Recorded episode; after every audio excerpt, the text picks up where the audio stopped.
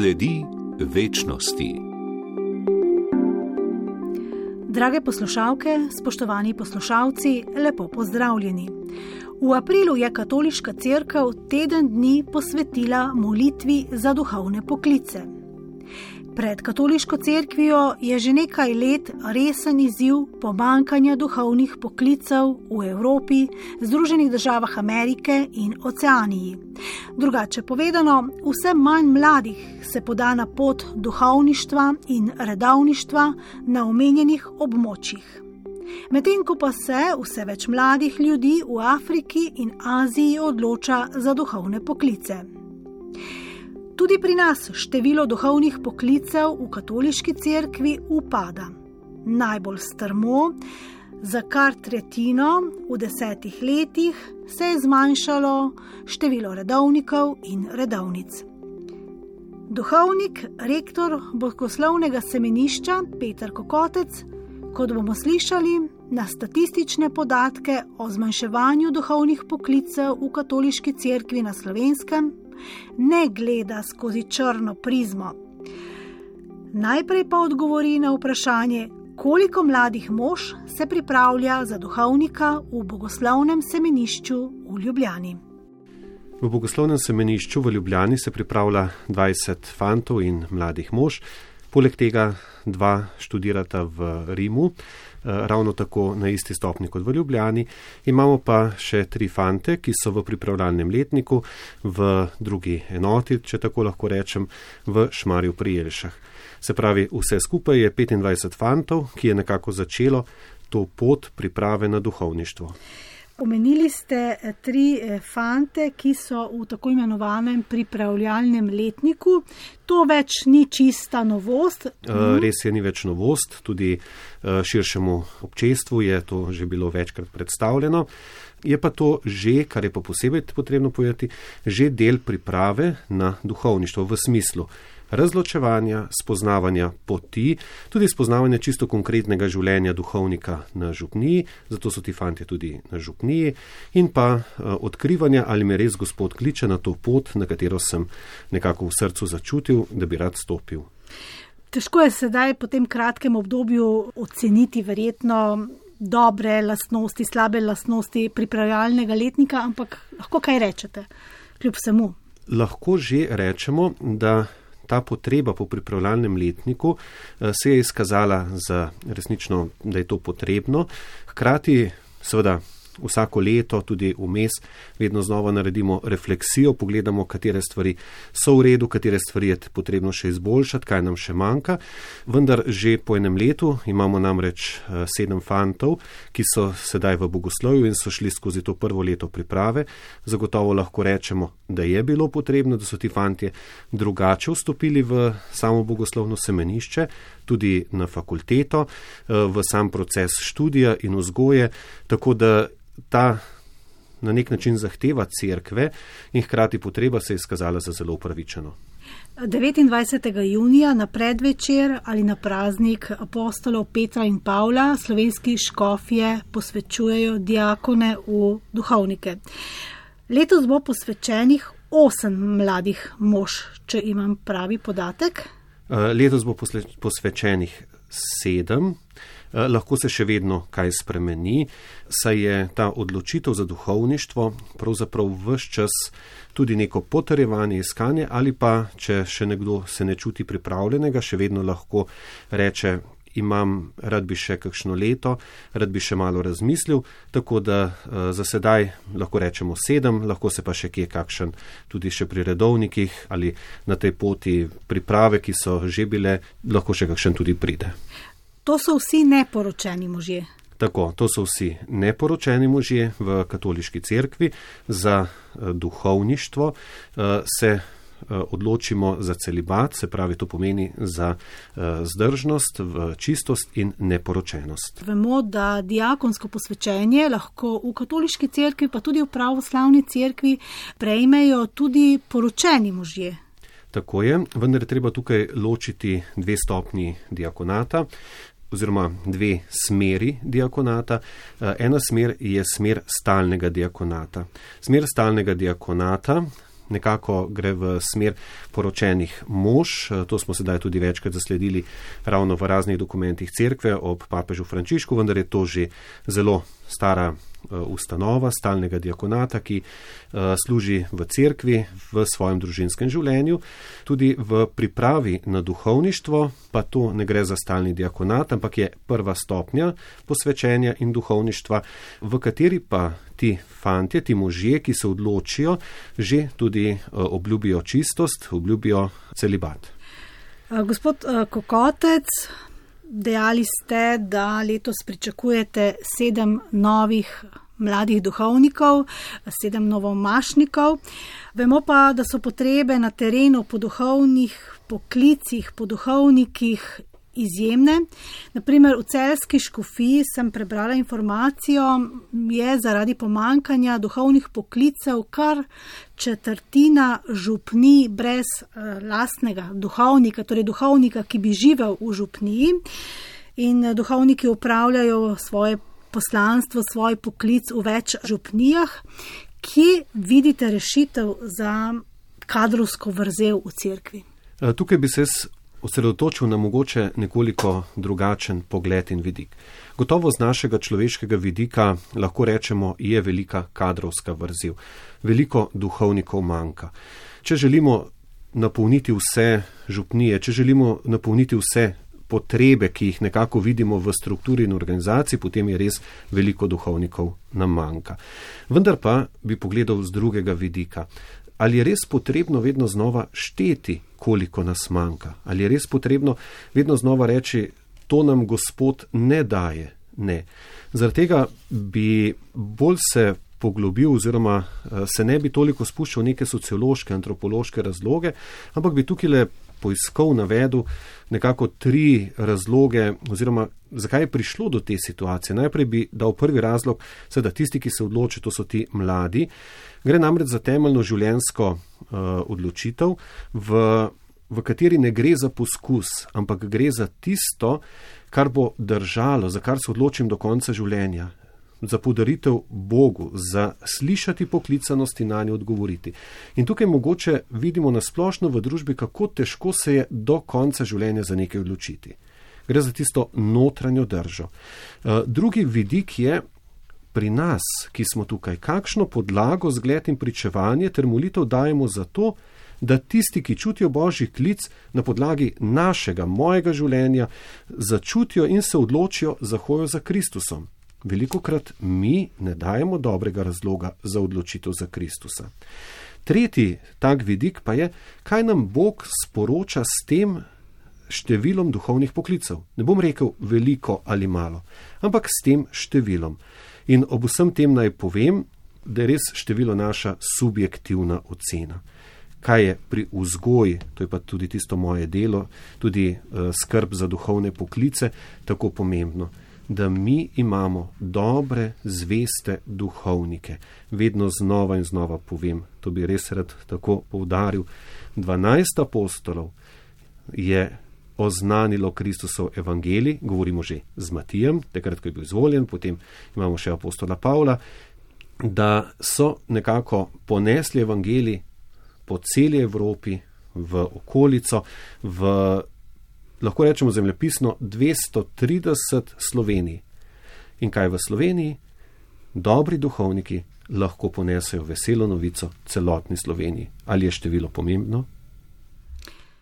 Številka zagotovo ni ključna, pomembnejša je osebna odločitev, to poslanstvo, ki ga upravljaš kot eh, duhovnik in kot vi pravite, da živiš eh, za ljudi v občestvu, v pristnem stiku z Bogom, kar pa terja od posameznika eh, izjemen angažma in trdno vero in trdno odločitev. Res je. Treba je pravzaprav stopiti na pot za Kristusom. On nam je zgled, on nam je pomoč. Kot sem rekel, gre za tisto temeljno odločitev. Eh, hkrati gotovo tudi v teh naših družbenih razmerah, v katerih živimo, za celotno crkvo to pomeni iskanje novih poti evangelizacije, oznanjevanja, eh, iskanje tiste prave pristne povezanosti z Bogom v občestvu, znotraj cerkve, eh, do vsakega človeka. Pravzaprav lahko rečem na področju, na katerem tudi v vzgoji za duhovnike dajemo eh, tisto, kar je najbolj pomembno, se pravi na človeškem področju, na duhovnem področju, potem na intelektualnem področju in seveda v pristopu do ljudi, to je na pastoralnem področju. To so vse izzivi, seveda hkrati pa vse to, kaj pomeni biti Kristusov, odločiti se v polnosti darovati za Kristusa. Ja, je težko, ne na zadnje pa tudi v zakonskem življenju ali v rodovitni samskosti nikjer ni enostavno. Povsod gre za temeljno življenjsko odločitev. Vendar potrebe po duhovnikih so velike, so izjemne. To smo začutili tudi v obdobju pandemije. Duhovniki so bili mnogokrat edine osebe, edini posamezniki, ki so imeli stike z okuženimi ljudmi, ljudmi, ki so bili v bolnišnicah zaradi COVID-19. Uh, in to so tisti pravi izzivi duhovniškega poslanstva. V takšnih ali drugačnih, lepih in težkih trenutkih, da duhovnik prepozna in pristopi do človeka, ki je lahko v lepem, veselem trenutku in pomnoži njegovo veselje, ali pa kot ste omenili, v tolikih težkih trenutkih, v katerih se začuti, da lahko duhovnik pravzaprav še v tistem zadnjem tudi trenutku življenja ali pa v trenutku tolažbe prinese neko novo upanje, neko veselje, prinese božjo milost tistemu, kateremu prihaja. Eh, tudi na ta način pravzaprav govorimo, spremljamo eh, naše bližnje. Ja, je to tisto pravo duhovniško poslanstvo. Mislim, da lahko v teh trenutkih, v takšnih primerih in ob takšnih duhovnikih, ki se na tolikih področjih trudijo delati z ljudmi, biti blizu ljudem, pravzaprav zopet ovrednotimo, kaj naše duhovniško poslanstvo v njegovem bistvu pravzaprav tudi je. Nekako sem razbrala iz vaših odgovorov, da ne želite poudarjati številk eh, tega manjka duhovnikov v Sloveniji. Ali vidite, mora biti rešitev tudi v tem, da eh, Katoliška crkva v Sloveniji odpre svoje vrste in sprejme duhovnike iz Afrike, iz Indije? Vemo, da so to območja, kjer se vse več mladih odloča za duhovne poklice. Tukaj menim, da uh, božjih poti ne smemo uh, kakorkoli zapirati kakšna so ta božja pota. Tako kot smo mi eh, v Sloveniji in Slovenije duhovniki hodili v tujino, v misijone kot misionari in še zdaj imamo ogromno misionarjev in misionark, zagotovo so tudi božji načrti drugačni. Eh, in vse takšne poti, takšne in drugačne, so lahko vedno odprte.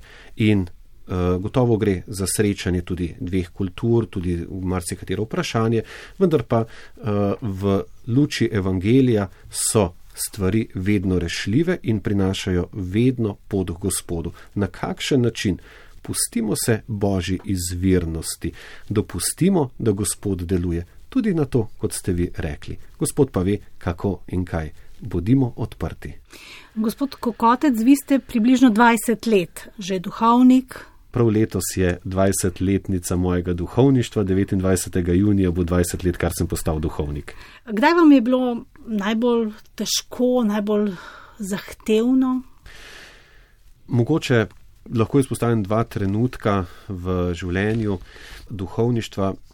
Prvi je eh, eno tako v, po tistem kaplanskem veselem obdobju, potem ko sem začel kot župnik, ko sem nekako v sebi vse bolj začutil tisto svojo krhkost, svojo nemoč, tudi v srečanju z ljudmi, ko so vse tiste zunanje zadeve, ko sem postal župnik, eh, nekako ne minile, ampak šlo je v vsak dan, vsak dan služenja. In takrat sem res začutil tudi samoto, eh, začutil tudi neko iskanje, tudi vprašanje glede lastne vere, tudi poklicanosti, vendar nikoli na tak način, da bi se začelo vse rušiti ampak treba je bilo stvari postaviti. In drugi trenutek, podoben temu, je, ko sem začel kot ravnatelj v bogoslovnem smislu, to vedno znova povem, ko se je moj način dela popolnoma spremenil iz nekega širokega pastoralnega dela v neko srečanje s tistimi, ki v sebi čutijo duhovni poklic, to je 20, 25, 30 fantov. Razmišljati, delati z njimi, se pogovarjati, eh, iskati odločitve in hkrati tudi sprejemati težke odločitve, In takrat je bilo zopet za me en velik, velik križ, ki sem ga pa res lahko rečem skozi ta križ, skozi to obdobje notranjih bojev, spraševanj, zopet pa hkrati tudi molitve, res z Gospodom sem šel skozi, skozi to obdobje. Lahko rečem, da pa vendar to spoznavam skozi križ, skozi vprašanje, skozi trpljenje, pravzaprav še bolj doživljam, sprejemam Gospoda in nekako tudi potrjujem to pot, ki jo hodim. To je bil duhovnik Petar Kokotec.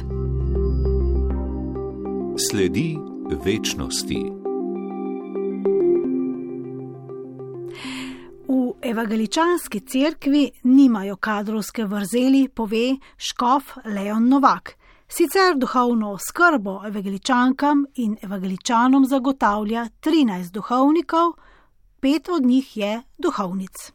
Z trenutnim številom duhovnikov in duhovnic lahko pokrivamo vse potrebe v naši evangeličanski cerkvi, vendar pa se nam zaradi upokojitve in pa tudi deloma zaradi bolniške, ki je nastopila dva meseca nazaj, pojavi tudi potreba po novih delavcih, torej duhovnikih in duhovnicah.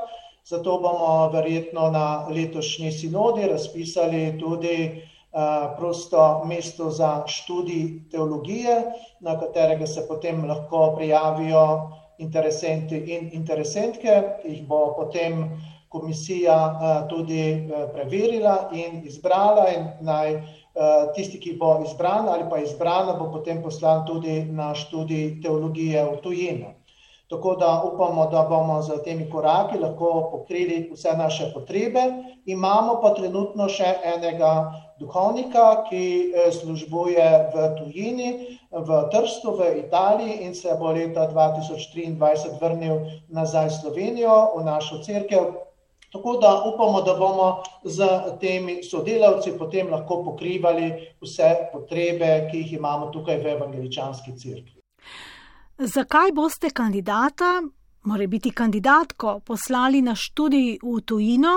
Vem, da imate v svojih vrstah mladega kaplana, ki je končal študij teologije na Teološki fakulteti Univerze v Ljubljani.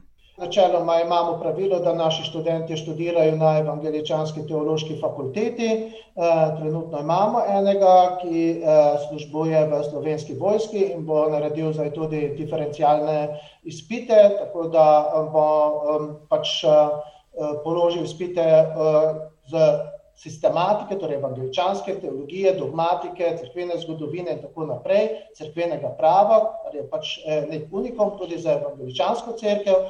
Drugače pa pač uh, imamo pravilo, da naši študentje in študentke študirajo na evangeličanskih teoloških fakultetah in ker v Sloveniji evangeličanske teološke fakultete nimamo, jih pošiljamo na študij v tujino. Kam v tujino? Odvisno, se pravi, eh, na zadnje smo imeli študenta v Budimpešti na Mačarskem, ker imamo tudi dvojezično govoreče crkvene občine, torej slovensko-mačarske, to so predvsem crkvene občine, ki ležijo na meji z Mačarsko in uh, želimo si pokriti tudi ta območja, tako da smo veseli, če se mladi odločijo za študij teologije na Mačarski teološki fakulteti. Imajo pa tudi izbiro, da lahko študirajo ali v Avstriji, Nemčiji, na Slovaškem ali pa, kot sem prej omenil, na Mačarskem.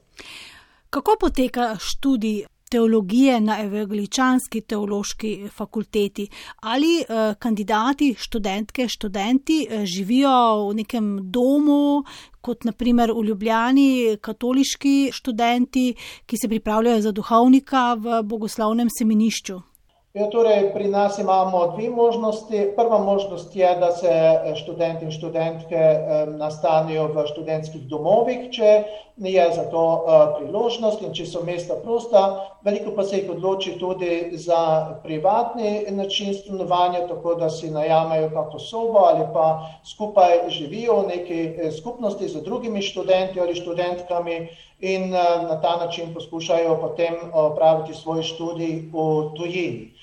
Pri nas pač, eh, kot veste, duhovniki in duhovnice ne živimo v celibatu, zato tudi ne imamo nekih posebnih študentskih um, semenišč oziroma imamo klasične študentske domove, ki pa so odprte, odprti za vse študente in študentke.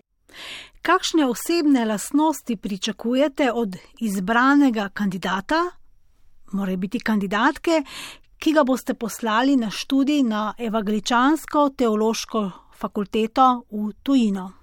No, kot prvo je seveda ta osebni odnos z Bogom, se pravi, da ima vsak kandidat in kandidatka tudi neko um, temeljno vero, ki izhaja iz svetega pisma uh, in uh, potem kandidate in kandidatke priporočajo tudi domače crkvene občine, iz katerih izhajajo.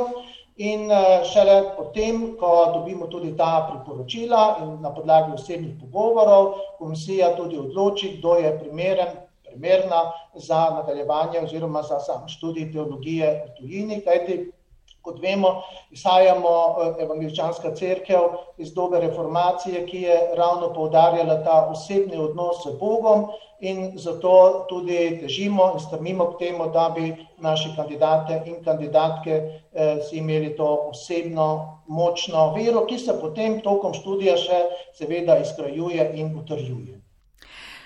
To je bil evangeličanski škof Leon Novak, paroh Srpske pravoslavne cerkve v Kopru, Dejan Mandič. Enako kot škof Novak pravi, da ima Srpska pravoslavna cerkev v Sloveniji dovolj duhovnikov. Še veste, kako je, ko starejši duhovniki odidejo v penzijo, mogoče v pokoj potrebujemo mogoče kakšno zamenjavo ali dve več, kajti te duhovniki so bili več kot 30-40 eh, let v Sloveniji in so nekako se zdaj že prilagodili eh, življenju in delovanju znotraj eh, države Republike Slovenije. Ampak zaenkrat mislim, da, ja, da imamo sicer dovolj dobro število duhovnikov. Iz islamske skupnosti so nam sporočili, da pod njenim okriljem deluje 20 duhovnikov oziroma imamov. Lahko bi jih imeli še več, če bi jim to dopuščale okoliščine, pravijo, se na posameznega imama pride precej veliko število vernic in vernikov. Drage poslušalke, spoštovani poslušalci, orisali smo vam zagotavljanje duhovnih poklicev v največjih cerkvah in verskih skupnostih pri nas.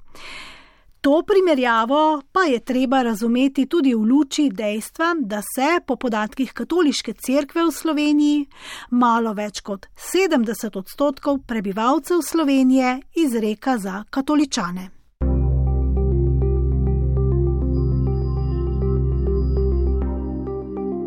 Sledi večnosti.